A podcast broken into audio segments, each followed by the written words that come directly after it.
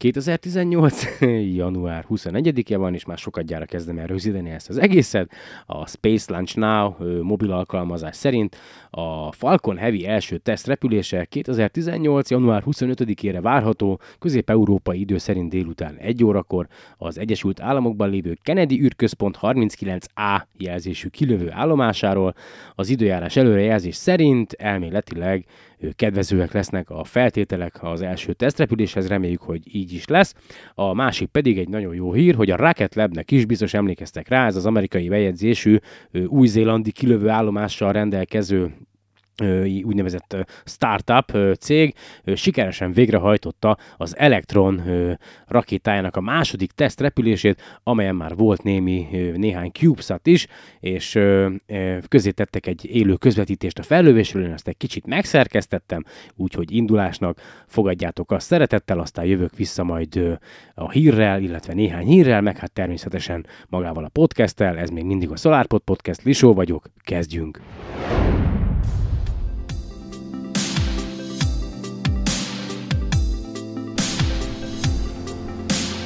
10, 9, 8, 7, 6, 5, 4, 3, 2, Ignition.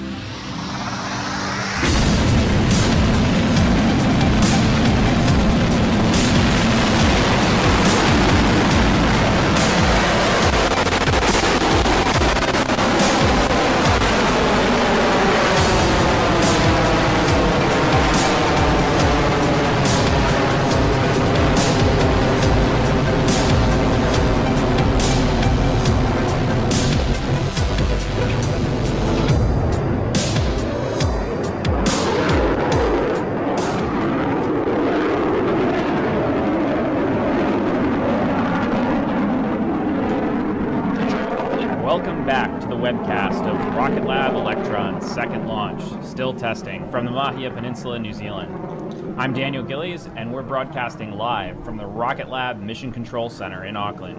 Guidance is nominal. This is Mission Control Auckland. As you're uh, watching here on the video stream, we've got confirmation of payload deploy orbit insertion, which wraps up the initial part of our mission with a successful insertion into orbit. Today represents a significant milestone in opening up access to space to better understand our planet and improve life on Earth. At this point, we're going to end the webcast, so thanks for watching with us today. To stay up to date on future launches, follow Rocket Lab USA on social media or go to our website, rocketlabusa.com. This is Rocket Lab Mission Control, signing off. Past maximum shear, dynamic pressure 50% of maximum. Valójában nem tudom, hogy mennyire hiteles az információ, ami a Space Launch Now mobil alkalmazásban megjelent, mert én azt is olvastam egyébként a délelőtt folyamán, hogy a, a SpaceX Falcon Heavy rakétájának első repülését februárra tolják ki, vagy tolták ki. Nem tudom, mindegy, majd igyekszem egyébként beszámolni róla, meg hát ti is tudjátok nyomon követni, hogyha a spacex.com oldalra ellátogattok, vagy nyomon követitek általában a különböző űrutazással vagy űrrepüléssel foglalkozó vagy magyar vagy nemzetközi híroldalakat, és ha már magyar űr oldalakról beszélünk, akkor az űrvilág.hu-n jelent meg a cikk, viszonylag baromi gyorsan egyébként a, a Rocket Labnek a sikeres küldetését követően, valaki biztos nyomon követi egyébként ezt a céget a, az űrvilág.hu szerkesztői közül, és engedjetek meg, hogy felolvassam ö, ezt a cikket, amely az űrvilág.hu jelent meg. Maga az esemény az olyan durván fél napja történt ö, magyar időhöz viszonyítva. Ö, még mindig egy teszt. Stílszerűen így nevezte a Rocket Lab cég a második új-zélandi startkísérletét az Electron nevű rakétájával. Most teljes volt a siker. Mint emlékezetes, az Electron rakéta legelső indítására 2017. május 25-én került sor az Új-Zéland északi szigetének keleti partvidékén kialakított starthelyről, Launch Complex One névre keresztel starthelyről. Akkor nem jártak teljes sikerrel, az úgynevezett ez egy teszt elnevezési repülés valójában szolgáltatott érdekes tesztadatokat, de a célul kitűzött alacsony földkörüli pályát végül nem sikerült elérnie a cégnek Az első fokozat rendben működött, a második fokozat is beindult, az Orku pedig rendesen levált, mielőtt mintegy négy perccel a felemelkedés után egy a földi követő hálózattal kapcsolatos hiba miatt a biztonsági eljárásokat követve meg kellett szakítani a rakéta működését. Az akkori indítás során nem volt hasznos teher a rakétán, a mostaninál, amelynek a neve Steel te- Testing, vagyis még mindig tesztelés, már felkerült az elektronra három kis műhold, úgynevezett CubeSat, a Planet cég egy Dove Pioneer ö, földmegfigyelő űreszköze, és a Spy Global cég két Lemur 2 műholdja. Ezek a nevek ismerősek lehetnek olvasóinknak, mármint az űrvilág.hu olvasóinak, hiszen mindkét amerikai vállalat CubeSatokból álló kiterjedt műhold flotta kiépítésén fáradozik. Ennek keretében eddig számos alkalommal indították kis űreszközeiket különféle nagyobb rakéták elsődleges hasznos terhei mellett, amolyan potyautasként. A Rocket fő célja a kis teljesítményű, gyorsan előkészíthető elektronrakétával épp az ilyen megrendelő kiszolgálása lenne, így a kisműholdas üzemeltetőknek nem kéne mások által lekötött, esetenként halasztással, halasztásokat szenvedő, a végső pálya megválasztásában is rugalmatlan lehetőséget kínáló startokra hagyatkozniuk. Egyébként a saját megjegyzés, a Rocket Lab, ugye tudjátok, hogy maga a főhajtó műnek a, a, a, az összes fő komponense az 3D nyomtató technológiával készült, maga a rakéta test az egy nagyon modern, szinte ultramodern szénszálas ötvözet, tehát egy nagyon könnyű rakétáról beszélünk, és, és tényleg az a célja ennek az egésznek, vagy ennek a Rocket Labnek, hogy minél hatékonyabban és minél, minél olcsóbban ö, tudjanak ö, alacsony földkörüli pályára juttatni úgynevezett kis ö, műholdakat, és ö, ugye itt van maga az Electron rakéta, a maximális payload, vagy úgynevezett maximális hasznos teher, amely a rakétán lehet, az 225 kg, két fokozatból áll, két gyorsító fokozatból áll, 17 méter magas maga a rakéta, és 1,2 méter átmérőjű, de most akkor folytassuk az űrvilág.hu-n megjelent cikket, az Elektron rakéta második startjára többszöri halasztást követően végül január 20-án magyar idő szerint hajnali 2 óra 43 perckor került sor. Tavaly december 12-én például számos paramétert automatikusan figyelemmel kísérő számítógépes rendszer a felemelkedés előtti utolsó pillanatokban már az első fokozat hajtó műveinek beindítása után szakította meg a folyamatot. Ö, utána a kedvezőtlen időjárás, az erős szél szólt közben, majd végül a startengedély időtartamából is kifutottak. Az első jelentések szerint az indítás teljes sikerrel járt, a három apró műhold önálló pályára állt, irányítóiknak sikerült rádió kapcsolatba is lépni velük. Szükség esetén a hamarosan egy újabb, vagy szükség esetén a hamarosan egy újabb demonstrációs célú repülés következhet, mielőtt a Rocket Lab elkezdeni a startok rendszeres értékesítését a megrendelőknek. A vállalat szerint egy-egy indításért 4,9 millió dollárt kérnek, ami lényegesen alacsonyabb a mások által felszámított árnál, Ráadásul nem másodlagos teherként viszik magukkal az apró műholdakat, így jobban tudják szolgálni, vagy ki tudják szolgálni a megrendelők igényeit, és akkor térjünk vissza még a Rocket Lab oldalára. Azt mondja, gyakorlatilag a maga ez a, a payload plugin, ugye, amit az űrhajó tetejére tesznek, ez a kis, nem is tudom, kis tartály, amiben a különböző műholdak, illetve egyéb dolgok, amelyeket szeretnének feljutatni különböző cégek a világűrben, ez is ugye teljes terjedelmében egy vadonat új csúcsminőségű szén szálas ötvözetből készült, hogy minél könnyebb legyen a Rocket Lab saját ö, ö, úgynevezett laborjában, akkor az elektronnak, a elektron rakétának a második gyorsító fokozata ö, Rutherford engine, Rutherford ö, rakéta hajtóművekkel van ö, meghajtva.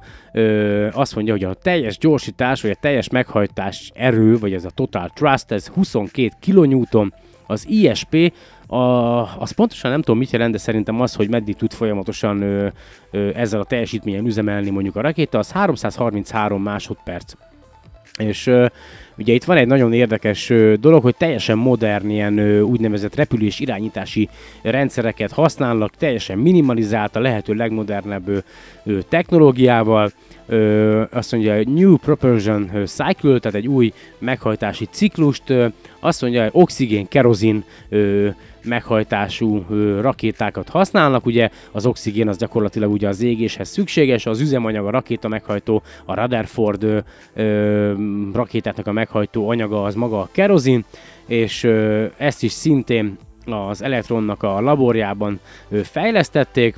Igen, nagy teljesítményű elektromos ö, meghajtás, gyakorlatilag ö, csökkenti a tömeget, illetve magát a hardvert, ö, szoftveres, tehát hogy, tehát, hogy ö, a, a, a különböző ö, szerintem irányítási rendszereket nem hardverekkel, hanem szoftveresen oldják meg, de nem értek ugye a rakéta technológiához, és akkor itt van az első gyorsító fokozat, amelynek ugye ö, ö, egyenként egy ilyen ö, ö, Rutherford ö, rakéta meghajtó mű 162 kN ö, ilyen, nem is tudom, ö, lift of thrust, tehát hogy ö, hajtóerővel bír, ö, és ugye 303 másodpercig képes ezt a teljesítményt ö, ö, leadni, és akkor itt van, hogy a 3D nyomtatás, de bár erről egyébként korábban beszéltem, de azóta talán egy kicsit javult az angol tudásom. Rutherford az első oxigén-kerozin hajtómű, amelynek a fő elemeit ö, ö, kinyomtatták, tehát hogy a fő elemeinek a legyártásához teljes terjedelemben 3D nyomtató technológiát használtak, és ö, egyetlen egy ilyen rakéta hajtóműnek az előállítása 3D nyomtató segítségével 24 órát vesz igénybe, Úgyhogy én itt kívánok nagyon, de nagyon, de nagyon-nagyon nagy és sok szerencsét magának ennek a cégnek. Ugye ezáltal tényleg olcsó lesz majd a, a, a föld körüli pályának az elszemetelése. Hát ugye minél kisebb egy műhold, annál nehezebben nyomon követhető, de hát pláne ha elromlik és nem ad magáról jelt. Egyébként az űrszemétről majd tervezek a, követ, a jövőben készíteni egy podcastet, ami ami részletesen beszámol arról, hogy egyrészt mennyi ilyen szemét van a Föld körül, milyen megoldásokat terveznek a különböző űrügynökségek ezeknek az űrszemeteknek a, a befogására, és ha egy kicsit elakad a nyelvem, az azért van, Ivet még nem mosolyog, jó van, majd fog, mert ugye egész héten egy iszonyatos fogfájástól ö, szenvedtem, vagy szenvedek, ö, és ö, voltak pillanatok a héten, amikor azt kívántam, hogy bárcsak megdöglenék.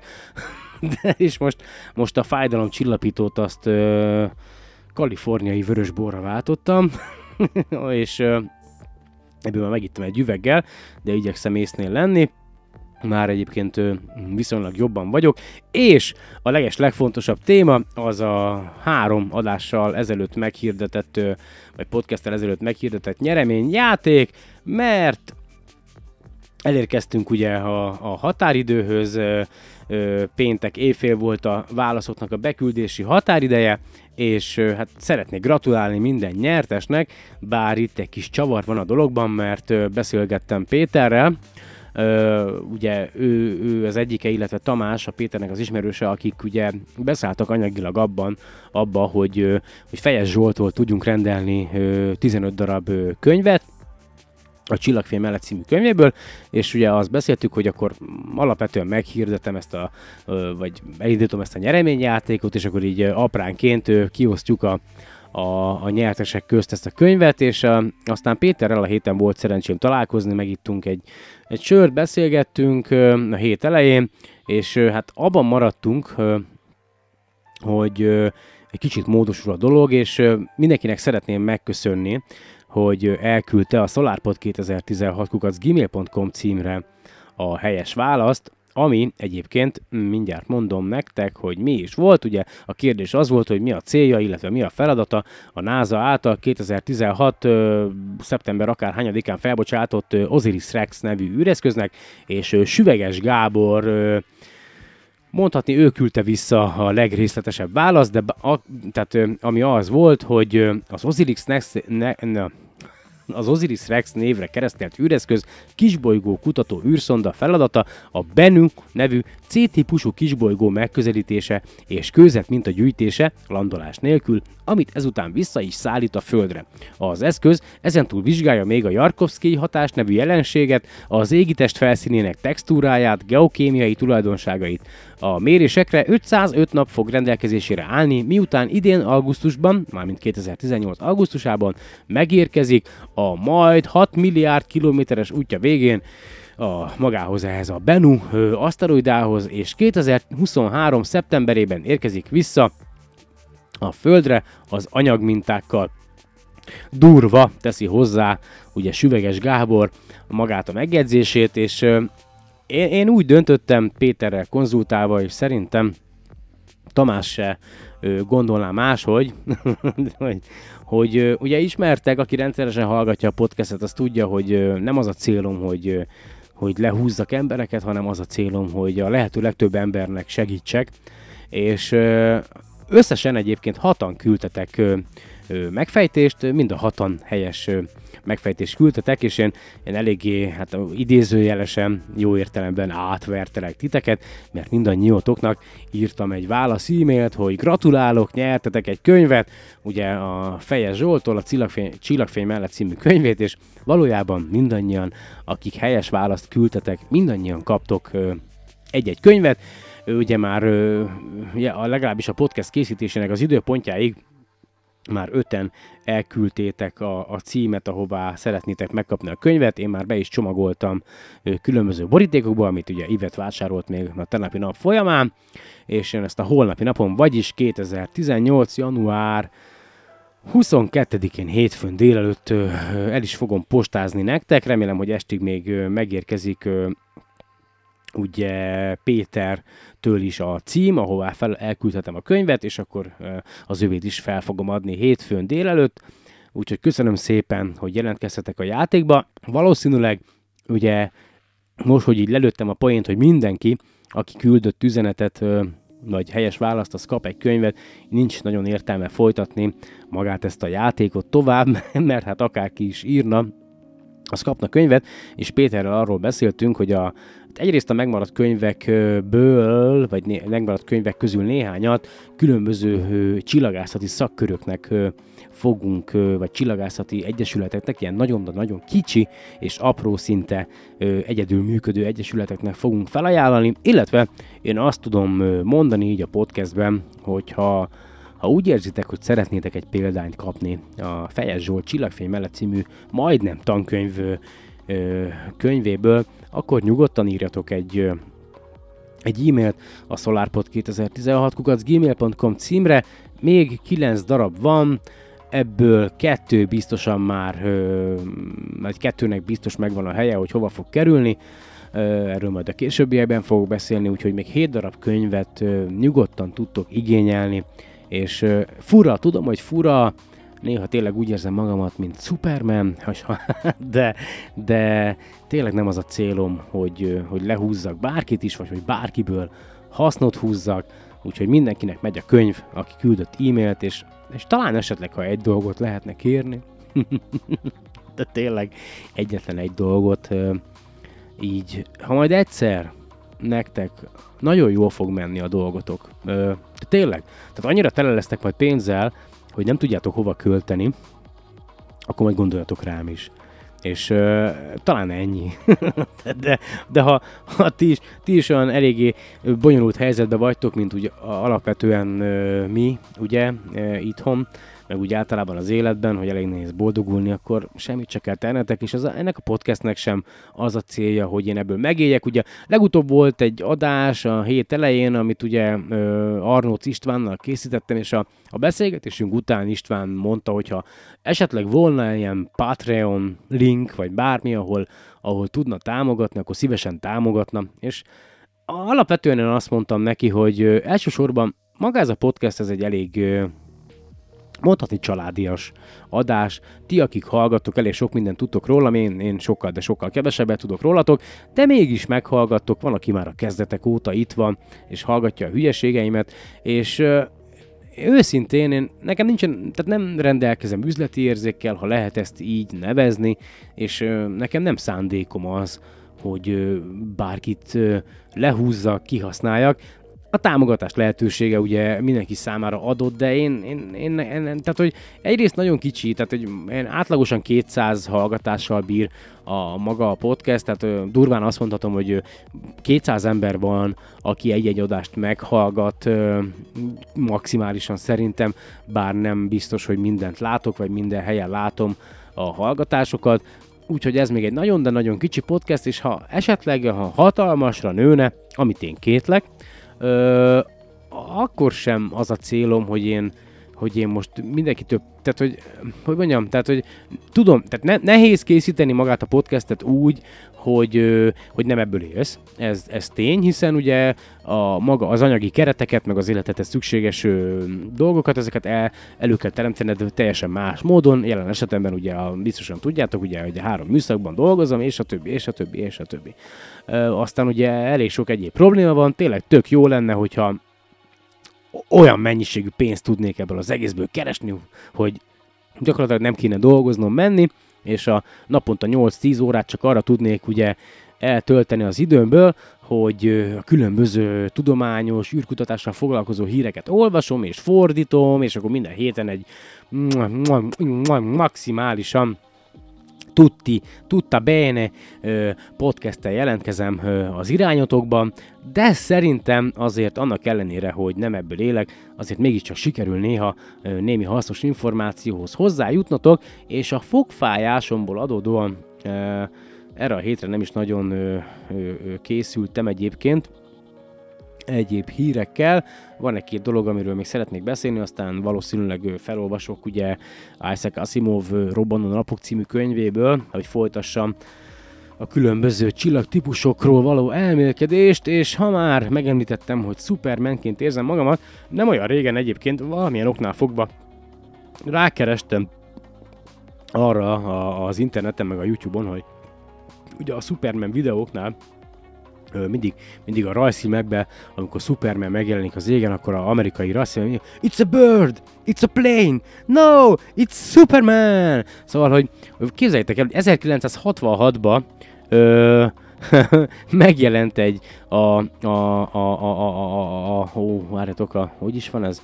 Broadway-en, igen, 1966. március 29-én mutattak be Amerikában a Broadway-en egy musicalt, amelynek pont az a címe, hogy It's a Bird, It's a Plane, It's Superman, és uh, fantasztikus a musical, a szerzői jogok uh, megengedik, hogy uh, ugye uh, gyakorlatilag uh, a tanítási, vagy, uh, vagy kritik, kritiz, kritizm, vagy, vagy, vagy oktatási céllal ugye használhasd, ugye ezek a non-profit célral, úgyhogy ezen nincs semmi gond, úgyhogy szeretnék belőle bejátszani egy számot, meg majd a podcast végén is egyébként ennek a zenéjével búcsúzom, majd a podcast leírásával berakom a linket, szerintem hallgassátok meg, és egy kicsit értetek angolul, egy nagyon, de nagyon vicces musical, úgyhogy most következzek én, a Superman. Every man has a job to do, and my job is doing good. Every night when the job is through, I fold my tights, proud to know I've done all I could. It's a satisfying feeling when you hang up your cape to know that you've averted murder, larceny, and rape. Every man has his job to do well, back into the old Clark Kent disguise. I'll never stop doing good.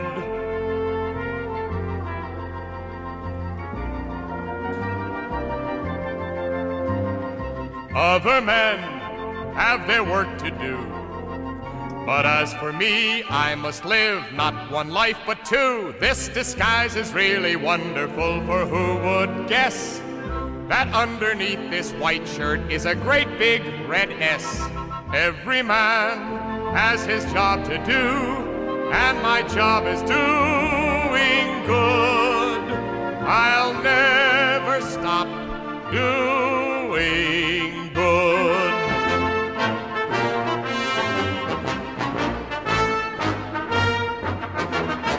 Oh, it's hard to keep on wearing the old Clark Kent smile. But I know I have to do it cause my work is so worthwhile. La-di-dum, it's a funny life, still and all a life well spent. So here you go, bravery gone, meek and mild, glasses on, Superman, now you're Clark Kent. Oh yeah! És itt vagyok.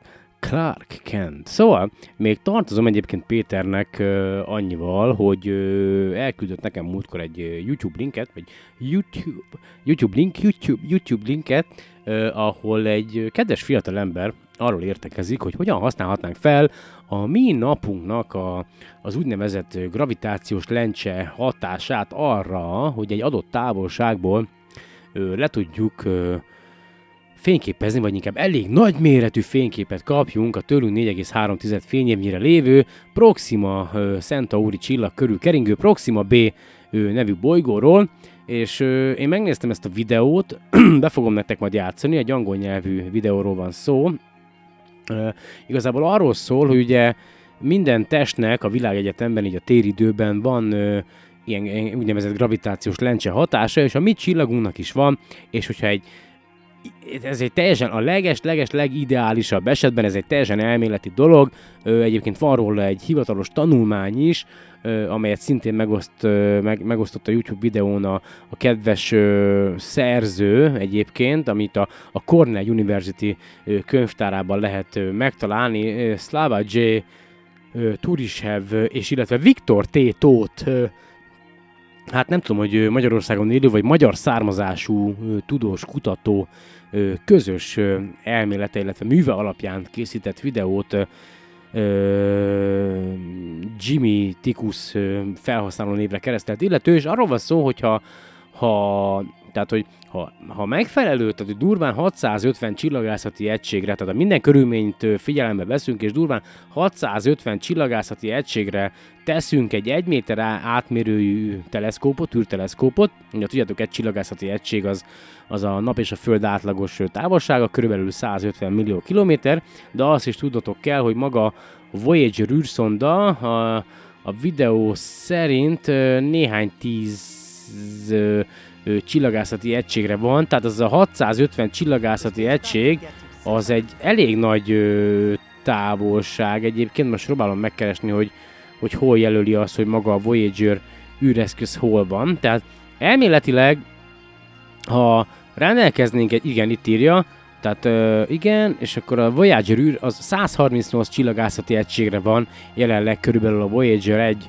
űrszonda, tehát ez a 650 csillagászati egység azért ez elég nagy ö, távolságot jelent, de ha elméletben ebben a távolságban egyébként el tudnánk helyezni egy, egy teleszkópot, akkor ö, ö, ilyen 700 akárhány méteres pixel ö, felbontással a, a napnak a gravitációs lencse hatását kihasználva, ha ugye a teleszkóp pont úgy helyezkedne el, hogy a nappal ellentétes irányban a Proxima B nevű bolygóban, akkor egy nagyon, de nagyon részletes felbontású fényképet kaphatnánk ö, erről a Proxima B nevű bolygóról, tehát egy olyan részletes felbontást, mint amelyet a, a geostacionáris pályán keringő műholdak készítenek a Földünkről, tehát elméletben lehetőség lenne erre, és ha már a gravitációs lencséről beszélünk, majd a videót egyébként bejátszom angol nyelvű a videó, úgyhogy előre is elnézést kérek, értem, van itt egy olyan cikk, még szinten az űrvilág.hu-n egyébként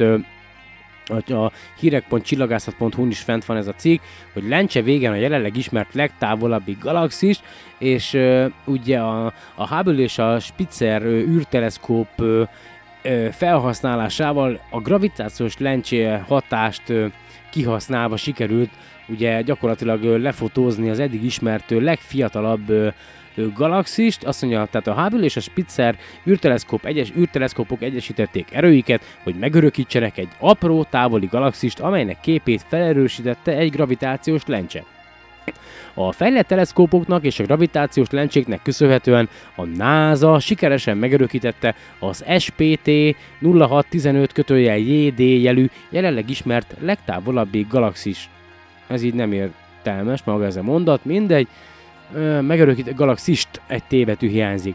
Ez az ősi galaxis már akkor is létezett, amikor a születőben lévő univerzum mindössze 500 millió éves volt. Habár láttunk már olyan galaxisokat, amelyek már az univerzum e korai szakaszában is léteztek, az ist azt én, ezt, én tettem hozzá, a most lefényképezett galaxis abban különleges, hogy éles, képet, éles képek készültek róla a Földtől való jelentős távolság ellenére is, ebben a távolságban lévő galaxisok a felvételeken általában életlen vörös foltok, de a gravitációs lencse hatásnak köszönhetően erről a galaxisról készült felvételek élesek. Apropó, január 1-én ettetek lencsét? Én nem mert nem úgy leszarom. Szóval, a gravitációs lencse hatás akkor jön létre, amikor egy nagy tömegű, el, amúgy se ízlik, amikor egy nagy tömegű előtér objektum meggörbíti a teret, mint egy hatalmas lencseként viselkedve. Ennek következtében a kozmológiai távolságban lévő háttérobjektumok sokkal fényesebbnek és élesebbnek látszanak, meg nagyobbnak is. Mivel az SPT 0615 kötője JD jelű galaxis közvetlenül egy gravitációs lencseként viselkedő galaxis halmaz mögött helyezkedik el, a kutatóknak sikerült a célobjektumról egy olyan éles képet készíteni, ami a gravitációs lencse nélkül elképzelhetetlen lett volna, ezt is én tettem hozzá. Azonban a dolog szépség hibája, hogy a gravitációs lencse megváltoztatja a galaxis képét, aminek következményeként úgy néz ki a galaxis, mint egy enyhén ívelt vonal, mint egy két ív másodperc hosszú. A kutatók régóta alkalmazzák a gravitációs lencse módszert, hogy tanulmányozzanak olyan galaxisokat, amelyeket a hagyományos teleszkópokkal nem lehet, de eddig nem fedeztek fel másik olyan galaxis jelöltet ilyen nagy távolságban, amelyikről térbeli információk is megállapíthatóak, nyilatkozta Brett Salmon, a kutatás vezetője, a Space Telescope Science Institute munkatársa. Elemezve a gravitációs lencse hatását, a képen erre a galaxisra megállapítható a galaxis valódi mérete és alakja. A Hubble űrtávcső Rare Ionization Lancing Cluster Survey, vagy RELIX eszköze megfigyelési programja, az ügyesen, ja, bocsánat, megfigyelési programja az ügyesen megválasztott betűszó egyben az angol relics, azaz maradványok szót adja, ezt a szerkesztő tette hozzá, és az S kötője relics Spitzer programot, amelynek célja felfedezni lencsézett galaxisokat, egyszerre használták a kutatók. Ennek során először vizsgáltak 41 nagy tömegű galaxist halmazt, 41 vesző, itt hiányzik a vesző a cikkből, nagy tömegű galaxis halmazt infravörös hullámos tartományban, miközben az SPT kötőjel CL J0615 kötőjel 5746 jelű halmazt tanulmányozták, rábukantak egy apró távoli galaxisra, számon a Hubble és a Spitzer adatok felhasználásával előzetes elemzések alapján megállapította, hogy a galaxist 13,3 milliárd évvel ezelőtti állapotában mutatja a felvétel, amikor még mindössze fél milliárd év telt el az ősrobbanást követően. Ez a tény arra enged következtetni, hogy a tömege maximum 3 milliárd naptömeg, hozzávetőlegesen százada a tejútrendszer tömegének és kiterjedése nem lehet nagyobb, mint 2500 fényév összehasonlításképp a tejútrendszer megközelítőleg 100 ezer fényév átmérőjű.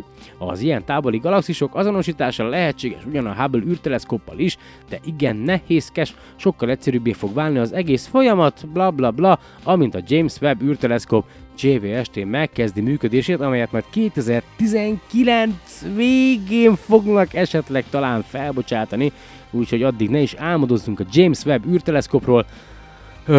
egyébként sikeresen teljesítette, ez eheti híra, maga az űrteleszkóp ezt a úgynevezett ilyen vákum kamrában lévő létét, ugye, ahol ebben a hatalmas vákum kamrába berakták magát az űrteleszkópot, és akkor ott megpróbálták szimulálni azokat a feltételeket, amelyek majd a világűrben várnak erre az űrteleszkópra, és, és minden rendben van állítólag, minden tökéletesen működik, Ö, én tényleg bízom abban, hogy majd jövőre sikeresen felbocsátják, de hát ugye bármi történhet, úgyhogy majd akkor térjünk vissza az James Webb űrteleszkópra, amikor már ott lesz a, az aktuálisan számára kijelölt Lagrange ponton, és már meg is kezdi a működését, és majd küldi a Földre az adatokat, de már korábban is említettem, hogy a, annyi mindent várunk ettől az űrteleszkóptól, hogy nem lesz egy szabad másodperce sem. Ennek az űrteleszkópnak, és ö, akkor, ha már említettem ezt a videót, akkor lehet, hogy következzen az az angol nyelvű ö, videóbejátszás, itt vége is van a zenének, illetve ö, itt megjegyezném, hogy ö, Na, tudjátok mi van, a videó után megjegyzem. Hallgassátok meg akkor ö, azt a videót, amely angol nyelven arról próbál meg ö, információt szolgáltatni számunkra, hogy hogyan is lennénk képesek felhasználni a napnak a gravitációs lencse hatását arra, hogy a hozzánk legközelebb lévő, vagy akár távolabbra is lévő bolygókat ö, ö, viszonylag ö, elég részletesen ö, lefényképezhessük. Exoplanets. They're just like regular planets but found in other planetary systems besides our own. So far, over 3,600 discoveries have been confirmed since 1992. These fuzzy dots are a few examples of the best direct images that we've got, and these are all gas giants like Jupiter. What we don't have is a really good image of an Earth like exoplanet. It may actually be possible to get an image like this, but how we could do it may surprise you. We could use the Sun as a lens. The Sun is massive, to say the least, therefore, so is its gravitational effect, which warps the very fabric of space itself. When incoming light from a hypothetical exoplanet approaches the Sun, its path is also warped. These curved light rays are brought into focus starting from about 550 astronomical units away from the Sun. The effect of gravity on the deflection of light is inversely proportional to its distance from the center of the Sun.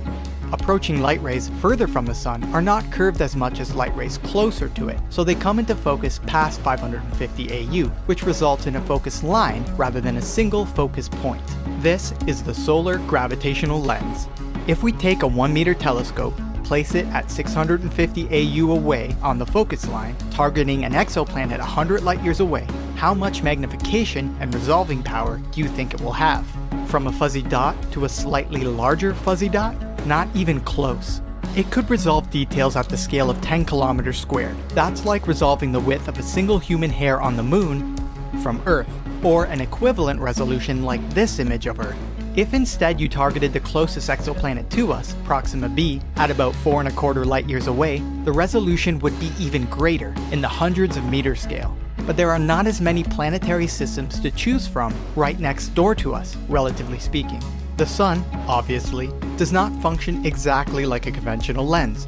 The Sun's gravitational force warps the incoming light in addition to focusing it, resulting in a ring shape around the Sun called an Einstein ring. Correcting this is a lot more work than a de-warping filter in Photoshop. Adding to the difficulty, we can't resolve the whole Einstein ring at once with just a 1 meter telescope either. If this same example exoplanet has an Earth-like diameter of around 12,700 kilometers, then that will result in an Einstein ring approximately 1.3 kilometers thick.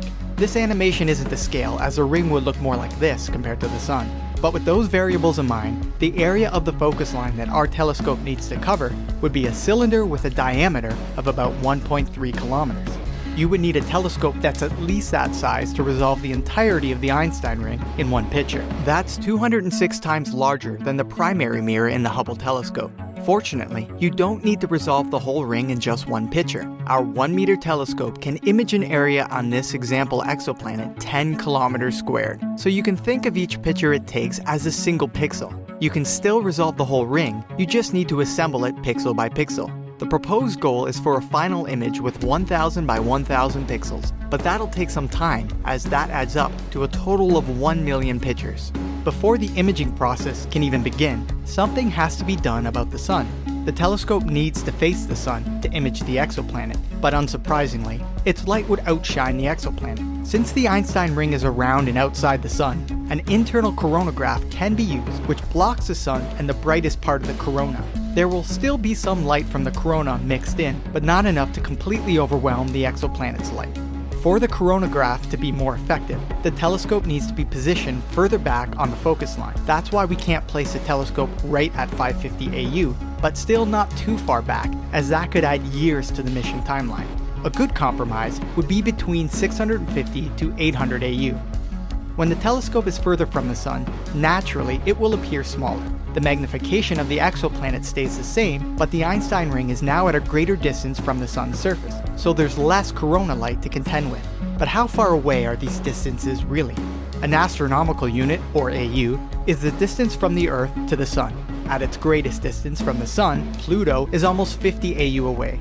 Voyager 1 is currently traveling through interstellar space at 138 AU away from the Sun, farther than any spacecraft has traveled. The telescope needs to be almost five times further than that. That distance, while considerable, may not be insurmountable. Here's just one possible hypothetical scenario. Using the currently in development SLS rocket as the launch vehicle, the spacecraft can get to Jupiter within six months. It can use a gravity assist at Jupiter, slingshotting the spacecraft towards the Sun.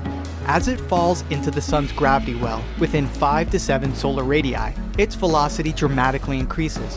When the spacecraft reaches maximum velocity through this maneuver, its rocket engines fire, adding to its acceleration and sending it on a trajectory to the focus line. Traveling between 17 to 22 AU per year, the spacecraft can get to 650 AU in about 30 years in the most optimistic scenario. But no spacecraft has approached this close to the Sun before, so a fairly robust solar heat shield will have to be designed and employed in order for the spacecraft to survive. Once there, the telescope has to move with the focus line and within it, as nothing in the universe is static. The exoplanet orbits its parent star while also rotating around its axis, if not tidally locked to its own star. While the trajectory design can account for much of this, a novel design for the spacecraft itself is still needed for it to move stably within the focus line. One idea is to build a spacecraft with the telescope on one end, tethered to a counterweight at the other end, using ion thrusters for propulsion at this point. The telescope can be pulled in or extended out along this tether to move within the focus line while maintaining a stabilized anchor position. This enables the telescope to gather a sufficient amount of images with less difficulty than keeping an untethered spacecraft stabilized. Using this method, it should take around 3 months to finish the task. But the challenges don't end there. Each image that the telescope takes is not a neat slice of the full ring. Instead, the telescope builds a rasterized image where each snapshot contributes more detail and magnification of a specific area on the exoplanet. These images end up overlapping each other, which can be considered a benefit as we won't need quite as many pictures for the desired resolution.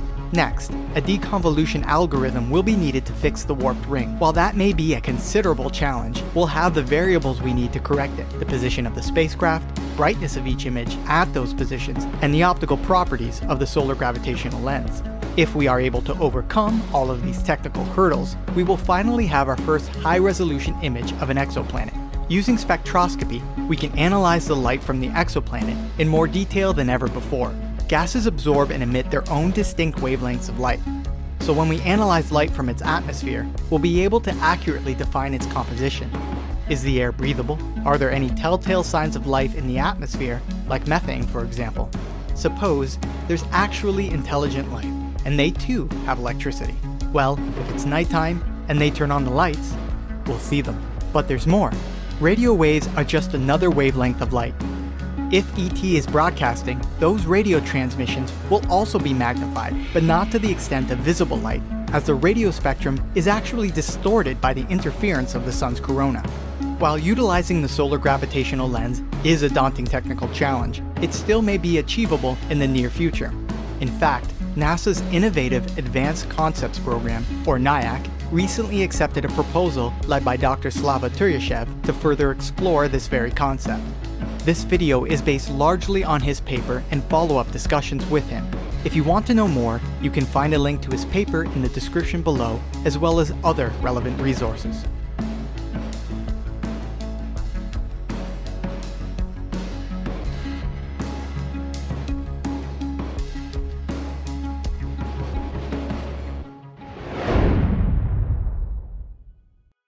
Itt is vagyok, itt is vagyok.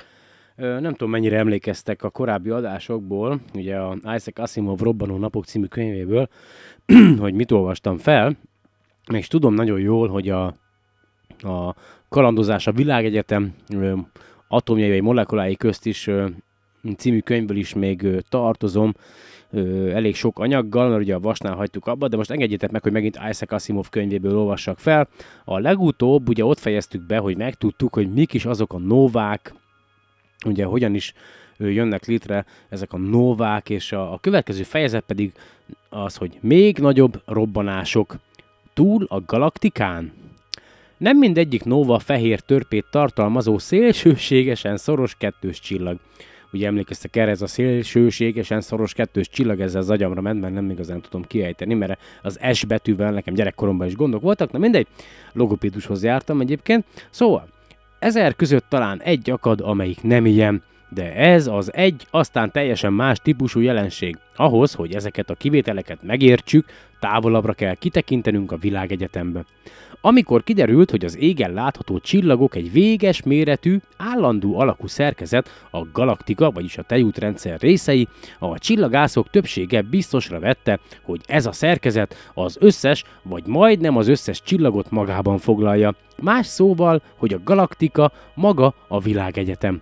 Úgy gondolták, valamennyi égi objektum közül legfeljebb a Magellán felhők tekinthetők a galaxisunkon kívülieknek. Ezek mélyen a déli égbolton helyezkednek el, és az európai szélességi körökről nem is látszanak. Az első európaiak, akik látták és 1520-ban leírták őket, a Ferdinand Magellan, zárójelben nevének eredeti portugál írásmódja Fernão de Magalhães vezette, nyugati irányban útnak indult távol-keleti expedíció tagjai voltak.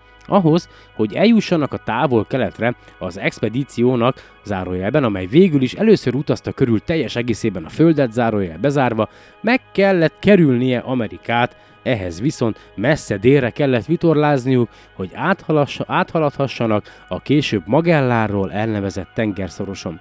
Azokról a távoli déli szélességekről a Magellán felhők magasan az égbolton látszanak. A Magellán felhők két halvány fényfoltja a tejút kicsiny, különálló részének tűnik. Mivel különállóak, az is lehet, hogy nem tartoznak abba a galaxisba, amelynek a tejút, hogy úgy mondjam, a karimája. Idővel bebizonyosodott, hogy a Magellán felhők ugyanúgy nagy számú, nagyon halvány csillagból állnak, mint maga a tejút. Az 1930-as évekre világosá vált, hogy a Nagy Magellán felhő 47.500 parszek, a Kis Magellán felhő pedig 50.500 parszek távolságban van tőlünk. Egy parszek az valami 3, valahány fény. Egyébként, ha jól tudom. Mindkettő jócskán túl van a galaktika határán, vagyis a tejútrendszer határán. Azon kívül mindkettő jóval kisebb, mint maga a galaktika. Míg a mi paralaxisunkat hozzávetőleg 250 milliárd csillag alkotja, vagy majd bocsánat, mi galaxisunkat hozzávetőleg 250 milliárd csillag alkotja, de ugye régebben mondtak 400-at is, meg 300-at is, mindegy, szóval jó néhány száz milliárd csillag alkotja magát a tejútrendszert, addig a Nagy Magellán felhőben nem lehet több 10 milliárdnál, a Kis Magellán felhőben pedig 2 milliárdnál is kevesebb van. A Magellán felhőket a galaktika körül keringő kis bolygó galaxisoknak tekinthetjük zárójelben, ezektől az egyéb szerkezetektől megkülönböztetendő nevezzük saját galaxisunkat galaktikának vagy tejútrendszernek zárójel bezárva. Bebizonyítható, hogy a, nagy Magell- hogy a Magellán felhők utólag váltak, valahogyan külön és a tejútrendszerrel hármasban alkotnak egy a gravitáció által összekapcsolt rendszert, ahogy a Föld-Hold rendszerről is beszélhetünk úgy, mint egyetlen egységről. Önként adódik a kérdés, létezik-e bármi olyasmi, ami kívül van a Tejút Magellán rendszerem? Az 1800-as évek néhány csillagásza úgy gondolta, hogy igen, egyetlen objektumról lehetett ezt föltételezni, amelyik úgy tűnt, hogy nem csillag, ugyanis az égen nem csak csillagok és olyan halványan fénylő objektumok vannak, mint a tejút vagy a Magellán felhők, amelyeket csillagokra lehet fölbontani.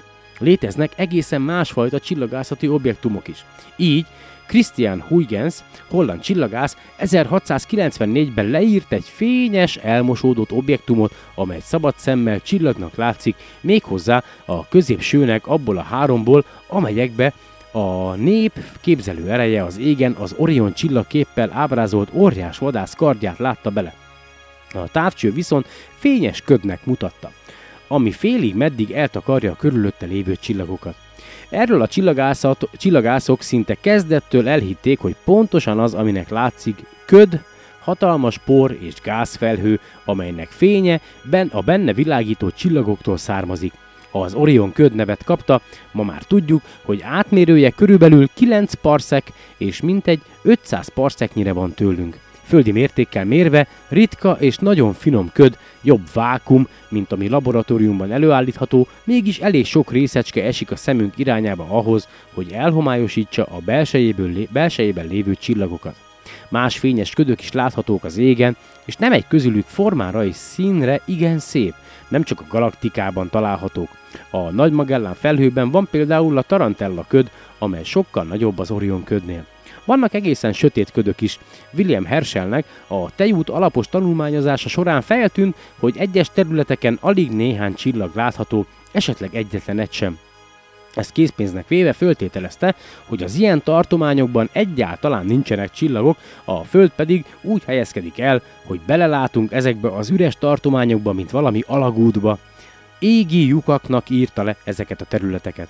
1919-ig már 182 ilyen sötét foltot jegyeztek fel, az viszont nagyon valószínűtlennek tűnt, hogy a zsúfolt galaktikában ennyi lyuk lenne, legyen, és mind épp a Föld felé irányuljon. Edward Emerson Barnard, amerikai és Maximilian F.J.C. Wolf, német csillagász az 1890-es években egymástól függetlenül azt állította, hogy ezek ködök, amelyeknek az Orion köttől és a hozzá hasonlóktól eltérően nincs fényük, mivel történetesen nincs olyan csillag a belsejükben, amely megvilágítaná a porrészecskéket. Ezek a sötét ködök csak azért érzékelhetők, mert sűrű csillagmezők irányába esnek. A ködök eltakarják a csillagokat, és szabálytalan árnyékoknak látszanak. A csillag nélküli sötét ködökön, illetve a csillagokat tartalmazó fényeseken kívül még más típusúak is láthatók az égen. Van néhány, amely egyik osztályba sem tartozik, és elég rejtélyesen néz ki. Közülük a legjellegzetesebb és legfényesebb, zárójelben az egyetlen, amely szabad szemmel is látható, zárójel bezárva, egy halvány, némileg elmosódott, négyes magnitudójú csillag. Az Androméda csillagképben található, és már az arab csillagászok is észrevették. Simon Marius, német csillagász, figyelte meg elsőként távcsövével 1611-ben, ezért többnyire őt tekintik az Androméda köd fölfedezőjének. Charles Messier, francia csillagász, az üstökösöket vadászta buzgón, amelyek csak egy-egy időre tűnnek föl. Megjelennek, tovább haladnak a csillagos háttér előtt, végül pedig eltűnnek. 1871-ben katalógusba foglalta azokat az elmosódott égi objektumokat, amelyek nem üstökösök, hanem az égbolt állandó lakói és a csillagokhoz viszonyított helyük változatlan. Célja az volt, hogy a többi üstökös vadász semmiképp se téveszthesse össze őket az üstökösökkel. Az Androméda köd a 31. helyen szerepelt a listán, ezért időnként M31 néven is emlegetik.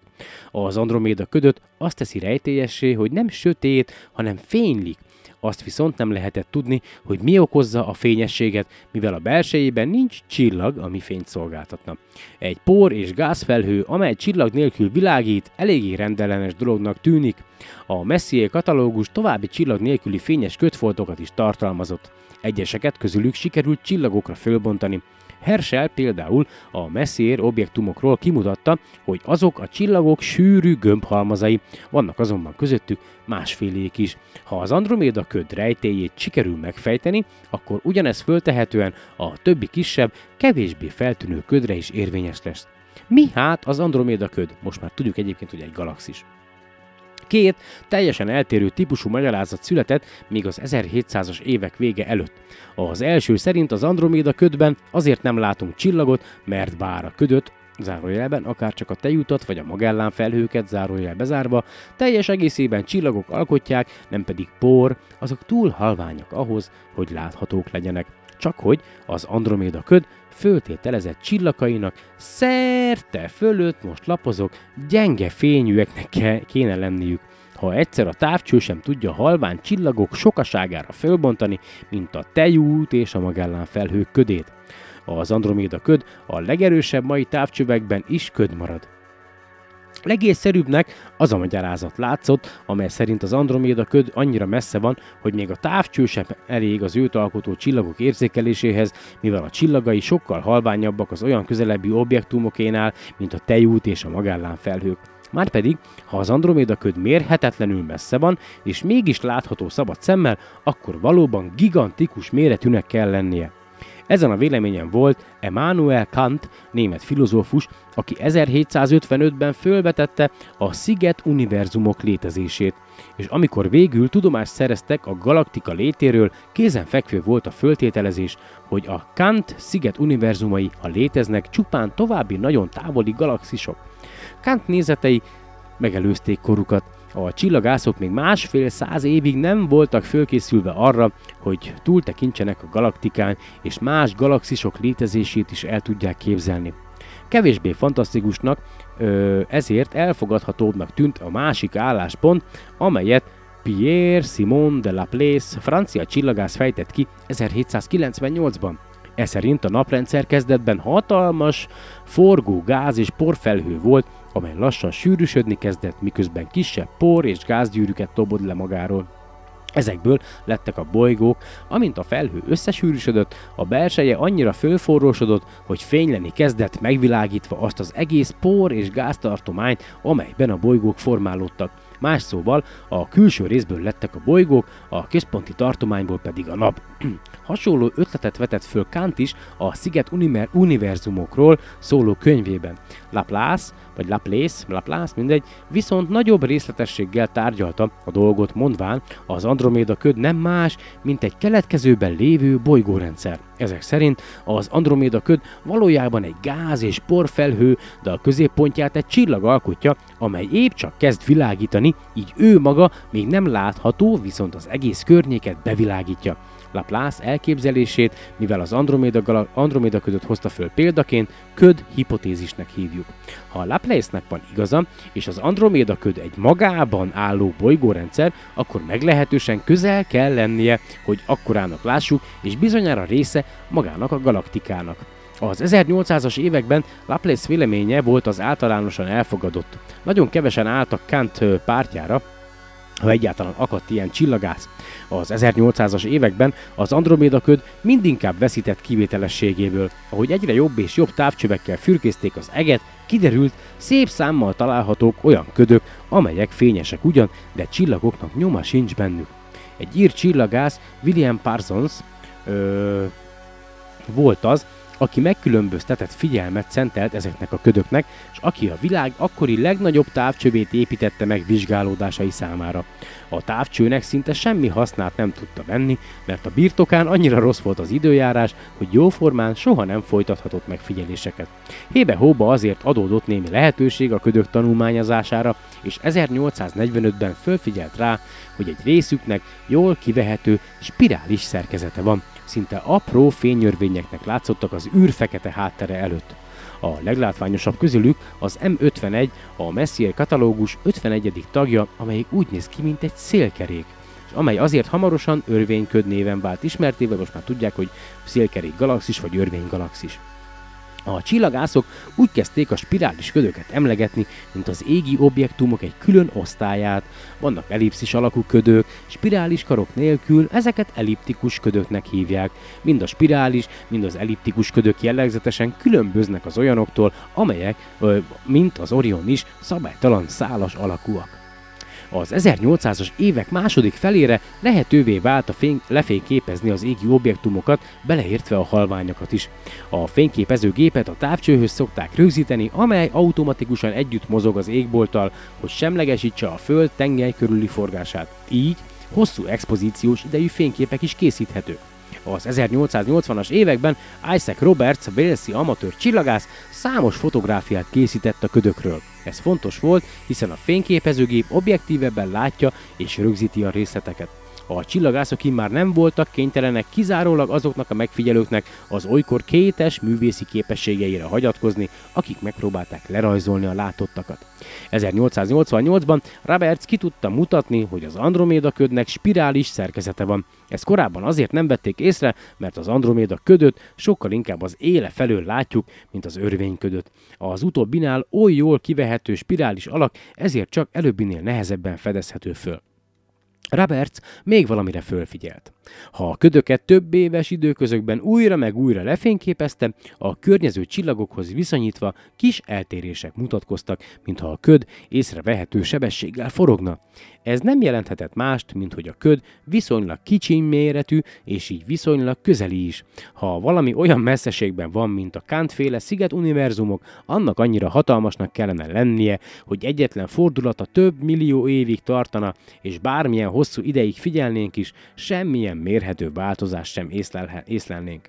1899-ben Roberts azt állította, hogy fényképei valóban mutatják ezeket a forgásból adódó változásokat az Androméda ködben, és tényleg így is látszott. Ugyancsak 1899-ben vették föl az első ízben az Androméda köt színképét, ez nagyon hasonlított ahhoz, amilyet általában a csillagokról szoktunk kapni. A szabálytalan por és gázfelhőkre, viszont mint az Orion köd, teljesen eltér a csillagokétól, és általában sok különböző színű, magában álló fényes vonalat tartalmaz. Ezért van, hogy az Orion köd és a hozzá hasonlók gyakran pompás színűek, az Androméda köd és társai viszont fehérek, ezért nevezik őket időnként fehér ködöknek is. Az Androméda köd színképe könnyen értelmezhető, ha Laplace-nek volt igaza, és a köd egy most keletkező csillag. Valóban William Huggins, vagy Huggins, angol csillagász 1909-es vizsgálódásai azt látszottak igazolni, hogy az Androméda köd egy létrejöttének előre haladott szakaszában lévő bolygórendszer. Úgy tűnt, egyszerűen nincs helye vitának, és mégis egy, a század végén fölbukkant, nehézség makacsul gátolta a továbbhaladást, és ez a novákkal is összefüggött.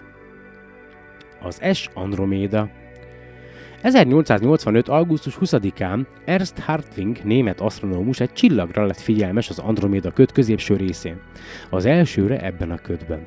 A csillagászok egy része először bizonyára arra gondolt, hogy a keletkezőben lévő bolygórendszer, aminek az Androméda ködöt gondolták, végül is elérte fejlődésének tetőpontját.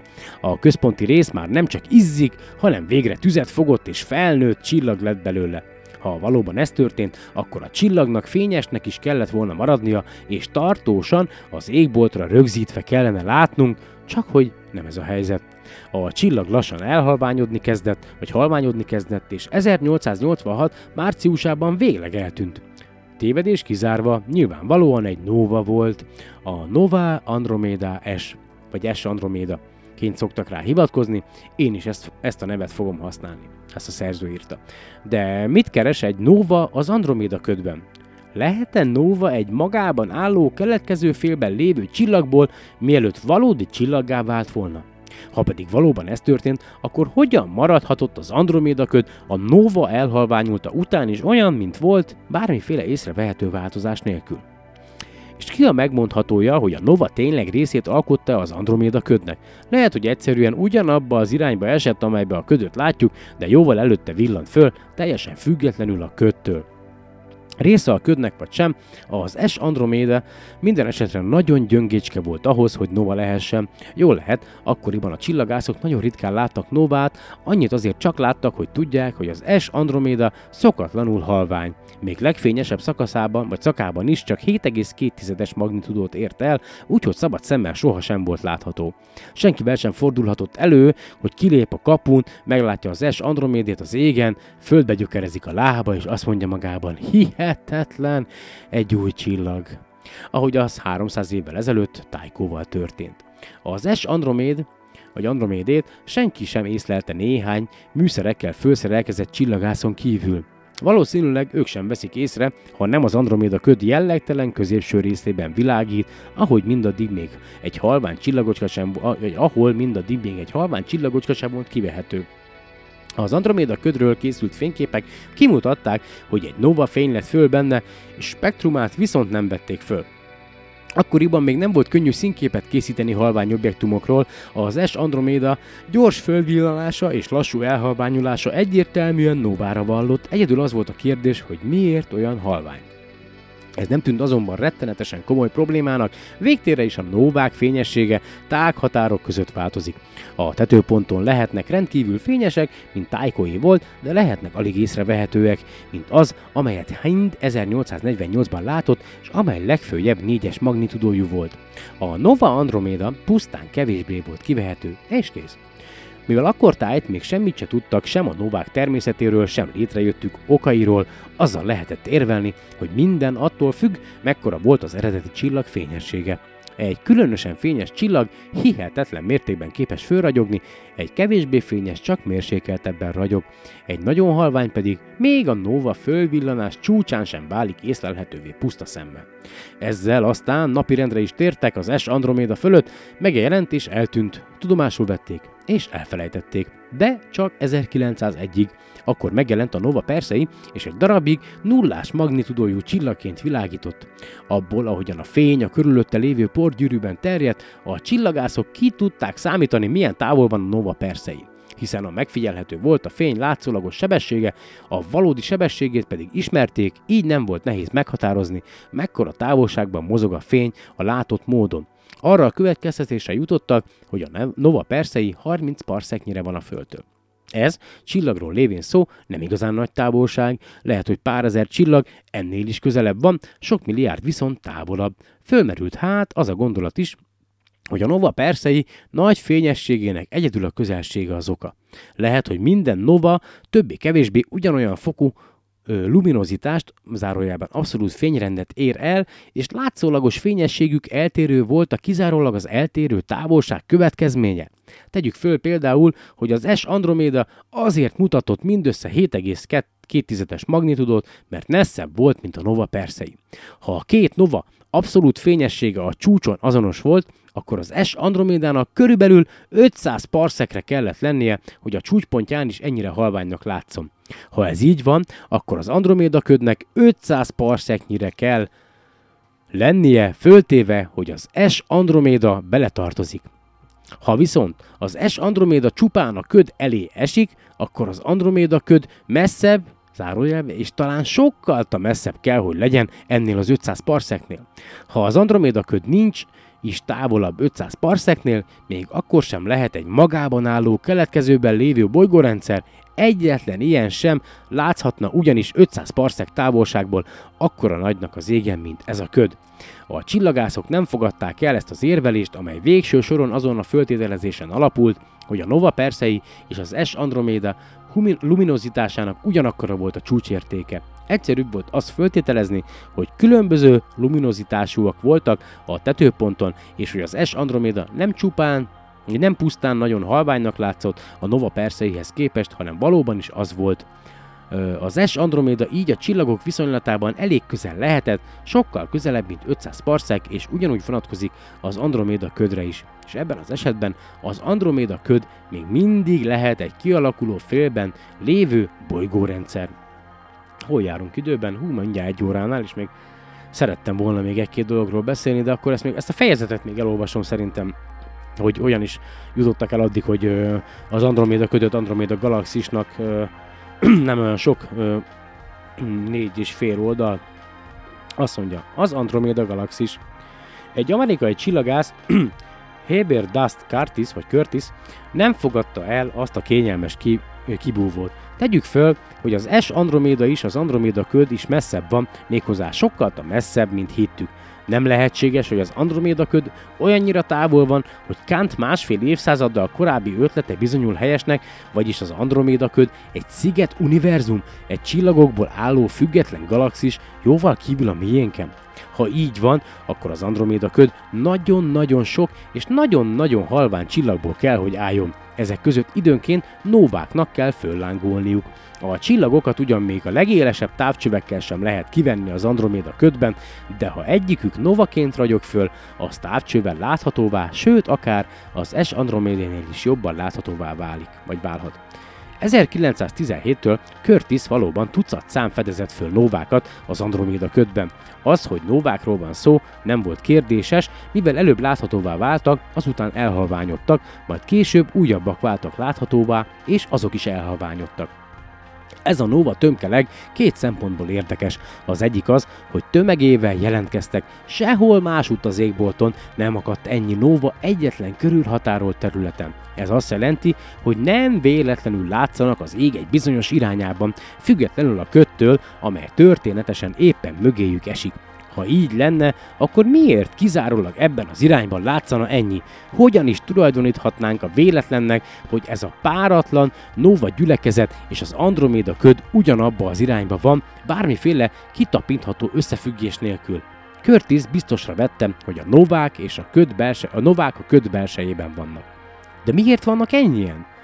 Nos, ha az Androméda köd egy sziget univerzum, egy teljes galaxis, akkor ugyanolyan sok csillagból állhat, mint a mi galaktikánk, ezért ugyanolyan sok nóva lehet benne, még akkor is, ha nekünk csupán egyetlen apró fényfoltnak tűnik, mint a mi galaktikánkban, amely az égbolt összes többi részét kitölti. Sőt, az Androméda ködben egyenesen több látható, mint a galaktikában. Curtis ugyanis azt vette észre, hogy az Androméda köd pereme mentén sötét foltok vannak, amelyek, ha tényleg egy galaxisról van szó, valószínűleg nagy kiterjedésű sötét ködök, gáz és porfelhők, amelyek eltakarják a mögöttük lévő csillagokat.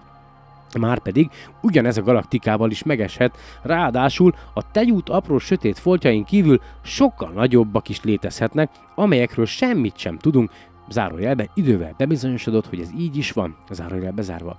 Ezért lehet, hogy a galaktika egész övezetei maradnak számunkra teljesen láthatatlanok. E láthatatlan zárójelben a látható, láthatókénál sokkal nagyobb létszámú zárójel bezárva, csillag tömegben évente sok-sok nova maradhat észrevétlen a porfelhők függönye mögött. Az Androméda köd esetében viszont abban a kedvező helyzetben vagyunk, hogy oldalirányból elláthatunk a porfelhők mellett, úgyhogy nem sok nova bújhat el előlünk. És tényleg, az Androméda ködben több novát láttak, mint az, egész, mint az égbolt egész fönnmaradó részén. Az Androméda nováinak másik érdekessége rendkívül halvány voltuk, még a legfényesebb állapotukban és a legerősebb távcsövekkel is épp hogy láthatók.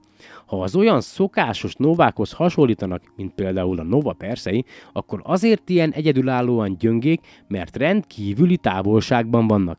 Ez teljesen összhangban van azzal a koncepcióval, hogy az Androméda köd egy önálló galaxis. Curtis meg volt győződve erről, és vállalta a sziget univerzumok fogad, fogadatlan pro prókátorának szerepét.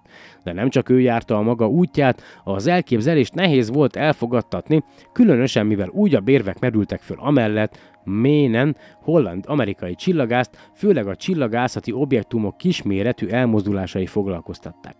Beleértve számos spirálköd mozgását is.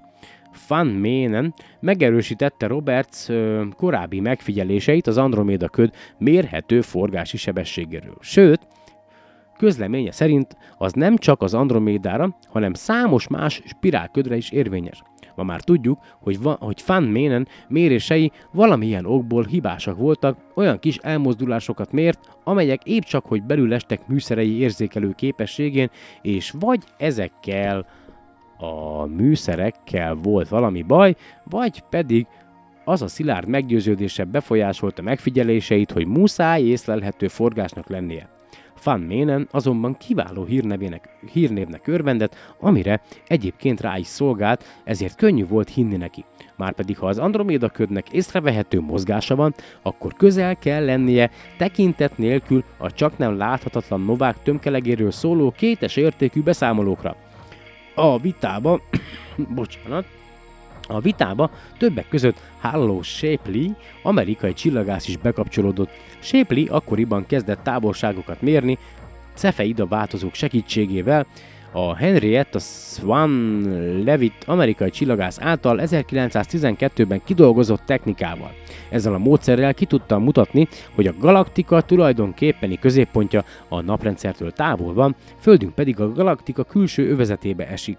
Ő határozta meg elsőként a galaktika ma is elfogadott méreteit, amelyeket addig mindenki alábecsült. Sőt, igazából Shapley becslése eredetileg túl magas is volt. Ugyancsak ő volt az első, aki meghatározta a Magellán felhők távolságát, azt hinnénk, hogy Shapley, aki, igazán, aki példátlanul megnyújtotta a galaktika és közvetlen környezete közötti távolságot, azt is el tudta képzelni, hogy más objektumok még messzebb legyenek. Csak hogy Van Ménen közeli barátja volt, és elfogadta az ő eredményeit. Így aztán ő lett a idézőjelbe kis univerzum felfogás vezér képviselője.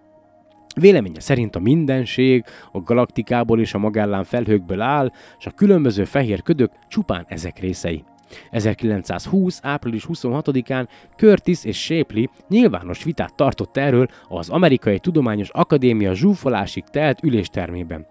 Kétség kívül Shapleynek volt nagyobb hírneve, és az ő képviselte, és, és, és ő képviselte a többség véleményét, ám Curtis váratlanul hatásos előadónak, Novái pedig halvány voltukkal és nagy számukkal meglepően erős érvnek bizonyultak objektív, a vita eldöntetlenül végződött, de maga az, hogy Curtis ilyen döntetlen tudott elérni, meghökkentő erkölcsi győzelemmel ért föl. Így aztán az a vélemény kezdett elterjedni zárójelbe, különösen az utólagos bölcsesség fényében zárójel bezárva, hogy a vitát ő nyerte meg.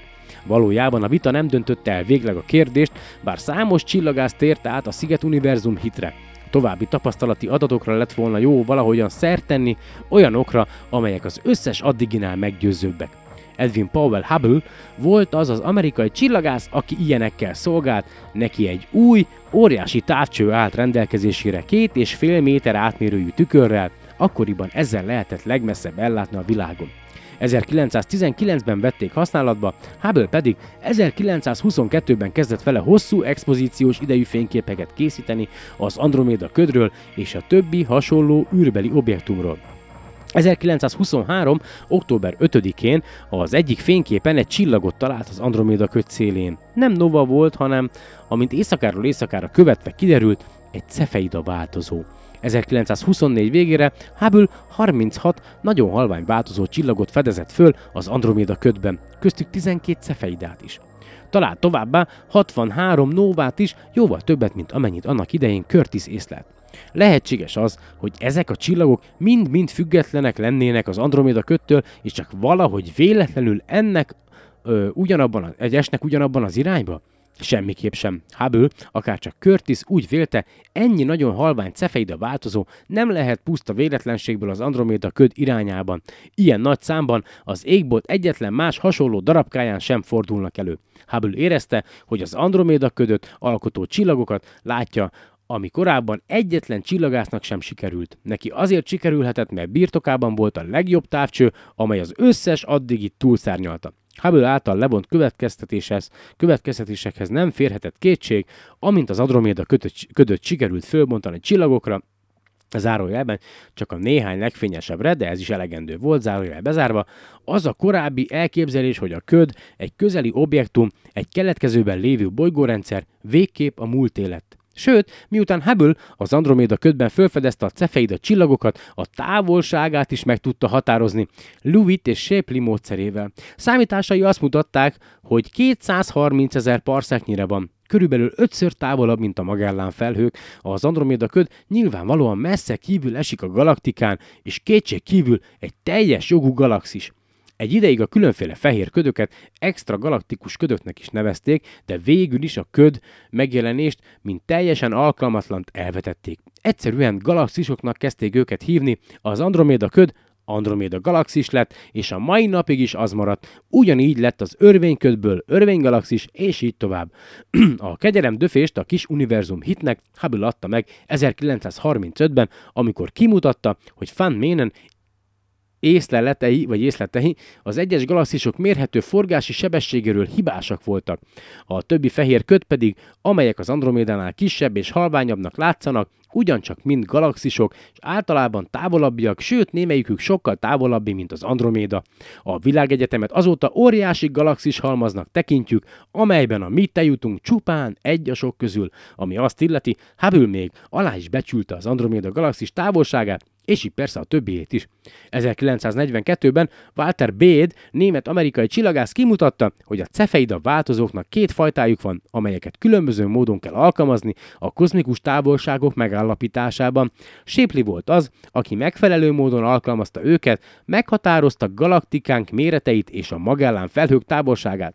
Hubble azonban tudtán kívül a másik módon alkalmazta őket, Andromeda galaxis távolságának megbecslésekor, ezért aztán számításai hibásak voltak. A korrekciót végrehajtva kiderült, hogy az Andromeda galaxis 700 ezer parszekre van tőlünk, 14-szer távolabb, mint a Magellán felhők. És én akkor itt be is fejezem. A következő fejezet egyébként a szupernovák lesznek.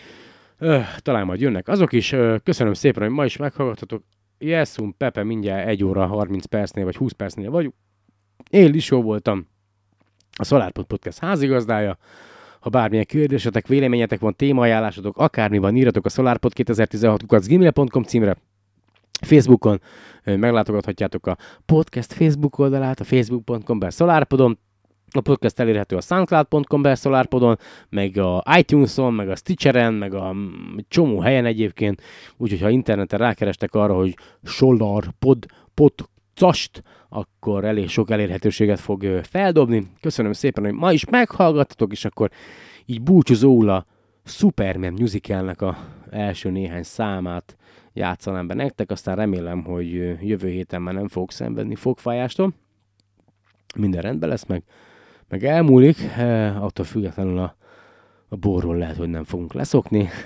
Köszönöm szépen, hogy itt voltatok ma is velem. Remélem, hogy minél hamarabb ismételten újra találkozunk, addig is sziasztok! Bullets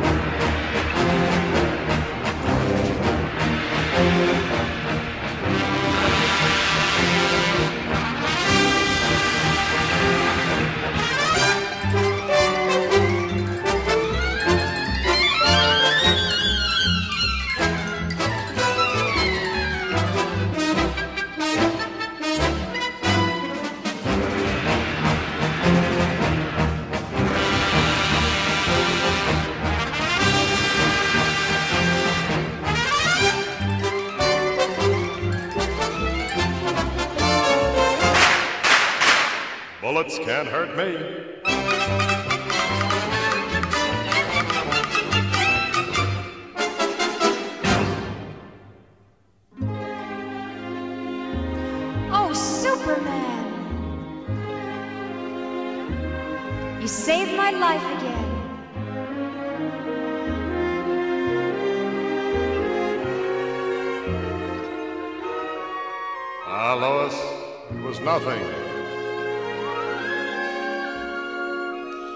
Would you like to dance?